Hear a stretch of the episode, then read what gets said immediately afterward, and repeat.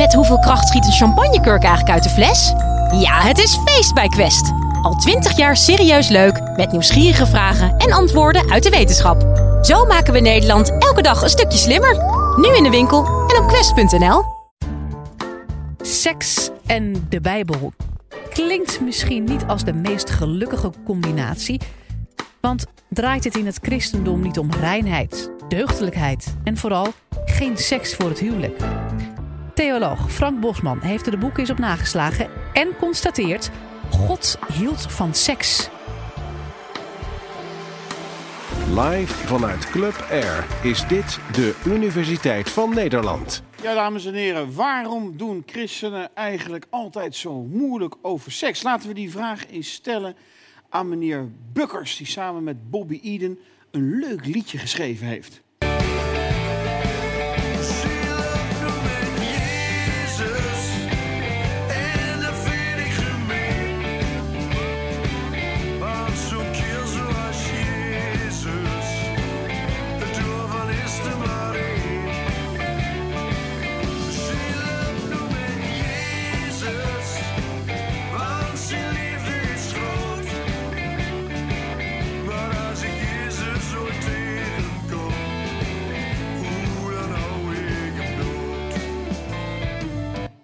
Als ik Jezus ooit tegenkom, dan hou ik hem dood. Kijk, de grap is dat uh, Bobby Eden is natuurlijk gewoon haarzelf aan het begin van uh, de clip. En wie kent haar niet?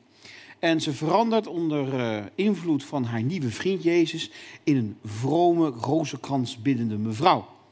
Nou, ik heb Bobby Eden mogen interviewen naar aanleiding van dit clipje. Dus ik kan in de kroeg vertellen dat ik een 06-nummer van Bobby Eden heb. En ik zal u vertellen, dat werkt altijd erg goed. En, en, ze vertelde heerlijk over haar reformatorische opa en oma, die haar uh, de mooiste jeugdherinneringen gegeven. Een prachtig uh, mooi interview, mooie vrouw. Maar het illustreert natuurlijk wel even exact waar ik het over wil hebben. Namelijk dat seks, erotiek en, en christelijke kerken, dat, dat, nou, ja, dat is geen gelukkig huwelijk, zullen we maar zeggen. Die twee boteren niet zo lekker met elkaar. Um, um, er is in de christelijke traditie sprake van, van seksstress. Van, van verlegenheid, van beschroomdheid, van een, van een seksueel pessimisme.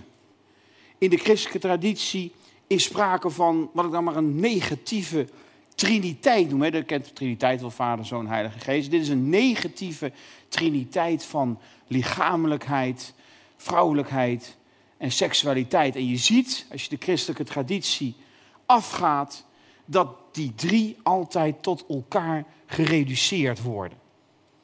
Um, en dat is niet fijn om te lezen. En als je aan mensen in de straat gaat vragen, wat voor associaties heb jij als het gaat over christelijke moraal? Nou, dan krijg je al gauw het verhaal. Ja, het gaat altijd over abortus, daar zijn ze tegen. Het gaat altijd over voorboedsmiddelen, zijn ze ook tegen. En het gaat altijd over dat ze moeten trouwen, want ze gebruiken geen voorboedsmiddelen. Moedjes. Oftewel, christenen hebben de imago dat ze seksstress lijden. En ik denk dat dat ook klopt.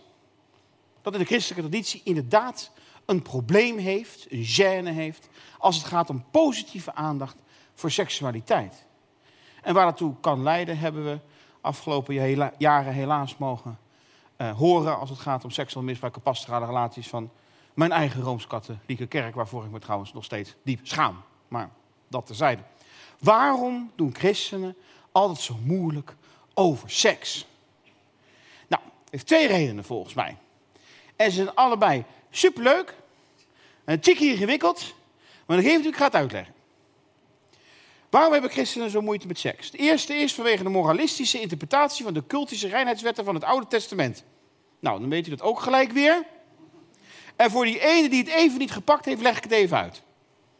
Kijk, je hebt in het Oude Testament, waar Jodendom en Christendom zich op baseren, heb je een heel aantal teksten in Leviticus en Numeri, uh, die gaan over reinheid.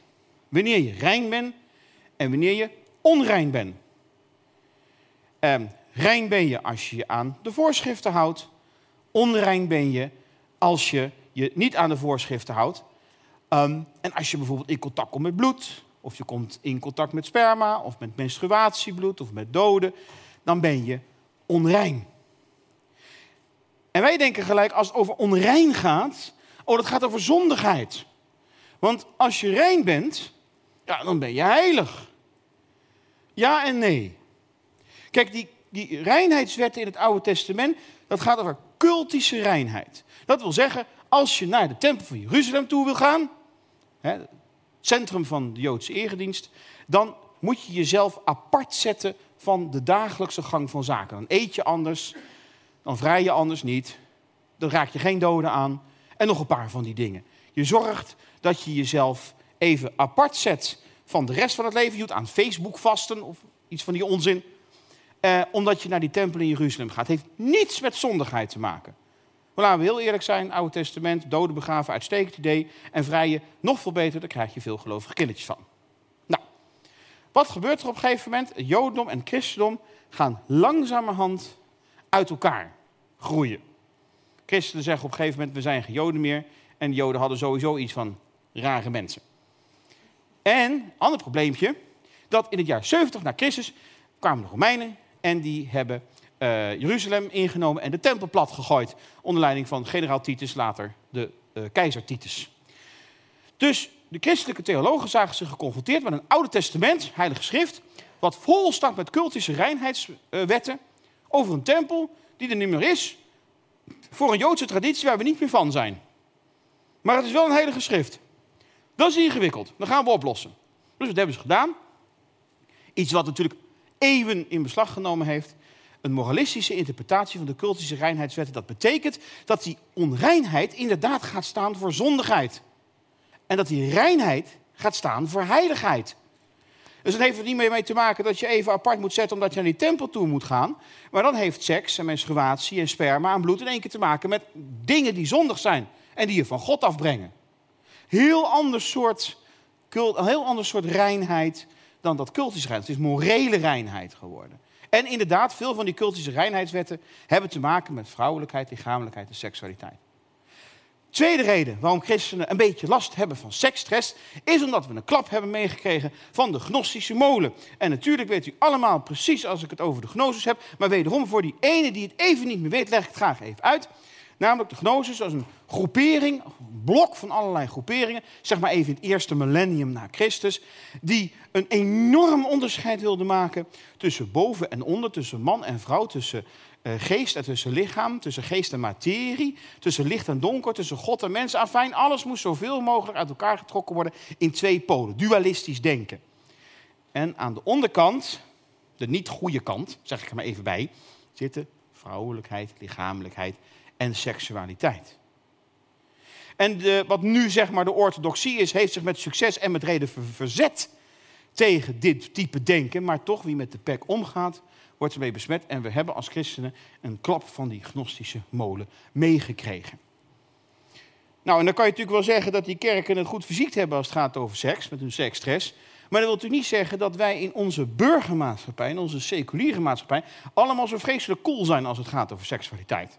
Wij hebben ook onze seksuele problemen. Want we dachten natuurlijk, gekomen uit de veilige jaren 50 van de spruitjesvlucht, gingen we de roerige jaren 60 in en werden we seksueel bevrijd. En nu hebben we geen enkel probleem meer als het gaat om seksualiteit. We zijn definitief bevrijd. Nee. Nee. Ik hoef alleen maar de hashtag MeToo te noemen om, om u te laten begrijpen dat ook in onze burgermaatschappij we nog een probleem hebben als het over seksualiteit gaat. Ik noem uh, andere voorbeelden. Ik noem uh, alles wat te maken heeft met uh, prostitutie en mensenhandel. Alles wat te maken heeft met seksuele voorlichting. Seksuele... Ik heb twee kinderen. ze zijn nu 15 en 16. En, en seksuele voorlichting op, scholen, het is echt verschrikkelijk. Ik weet niet of u de luizenmoeder gezien heeft. Heeft u de luizenmoeder gezien? Die geeft, uh, juf Ank geeft les aan de derde groepetjes.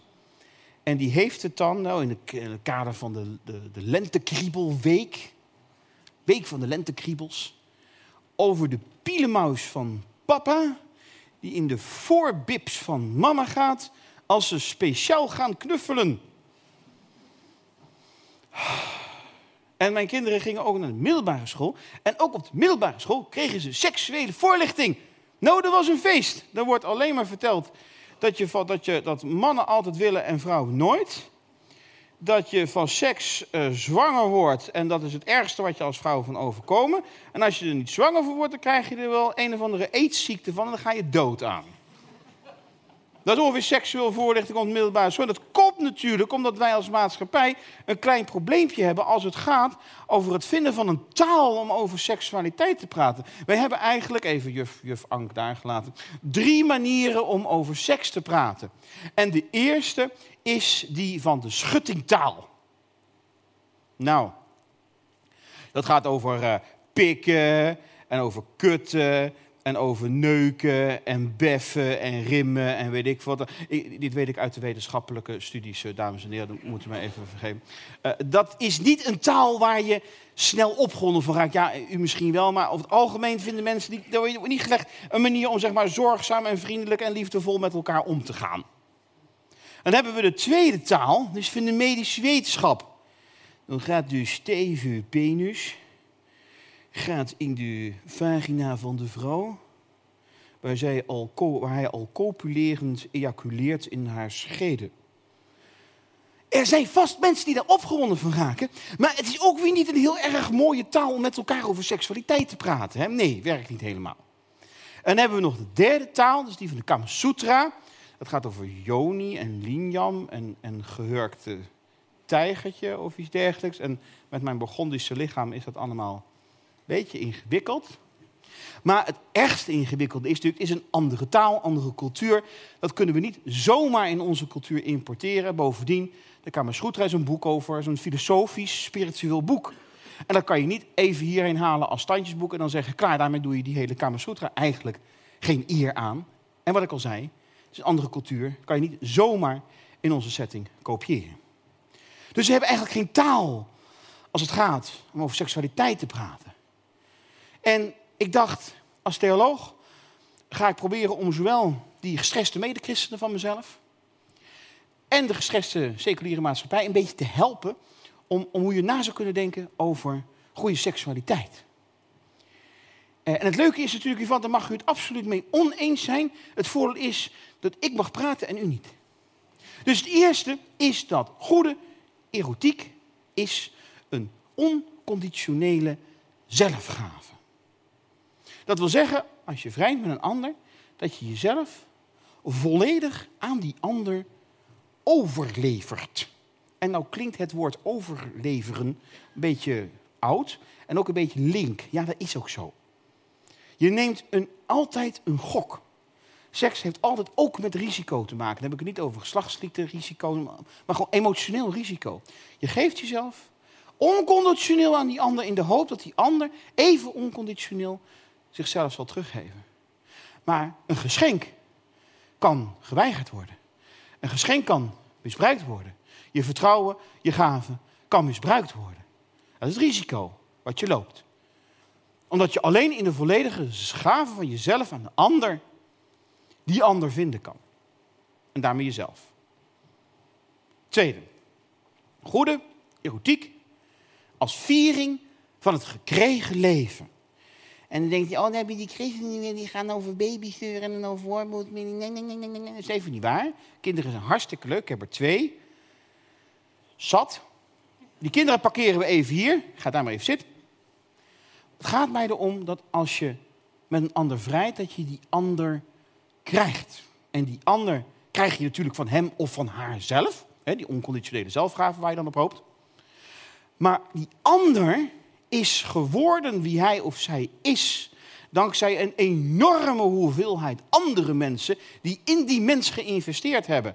Ouders, broers en zussen, familie, vrienden, collega's, zelfs de buschauffeur die je ochtends tegenkomt en die naar de universiteit brengt. Al die mensen, die mirades aan mensen die met elkaar ervoor gezorgd hebben, ten goede en ten kwade, dat jij geworden bent wie je nu bent.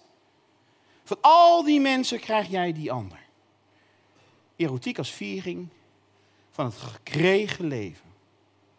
En als derde punt, goede erotiek als datgene wat omwille van zichzelf wordt genoten. Kijk, we vinden drinken hartstikke leuk. Tenminste, ik kom uit Brabant, ik hoorde bier en zo.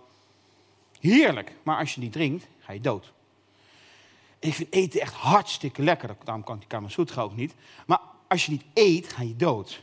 En ik vind bomen en planten buiten en zo echt prachtig. Maar als we die niet hebben, geen zuurstof, gaan we dood. Dus een hele hoop dingen die we leuk vinden, die doen we ook om, vanwege iets anders, vanwege een soort nut. En we, hadden die kinderen even geparkeerd hier, weet u nog, die zitten, ja braaf, die zitten daar nog steeds. Als je, als je goede seks met elkaar hebt, doe je dat alleen omdat je die seksualiteit, die erotiek zelf zoekt. Niet om er iets mee te bereiken, kan, tuurlijk. Niet om er iets mee af te dwingen, kan. Niet om er iets mee te betalen, kan ook. Maar we voelen allemaal wel aan, daar gaat het net niet helemaal goed. Hè? Schat, je hebt het huishouden vandaag goed gedaan, weet je wel? Derg niet, hè? We weten allemaal, echt een goede erotiek is datgene wat om zichzelf en alleen omwille van zichzelf genoten wordt.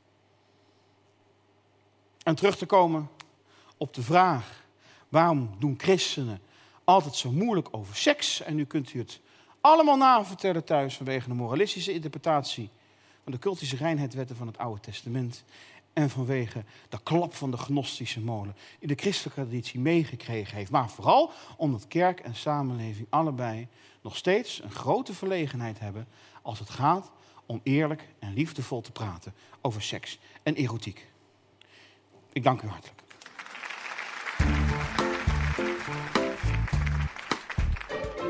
Wil je nou meer afleveringen van de Universiteit van Nederland horen? Check dan de hele playlist en ontdek het antwoord op vele andere vragen.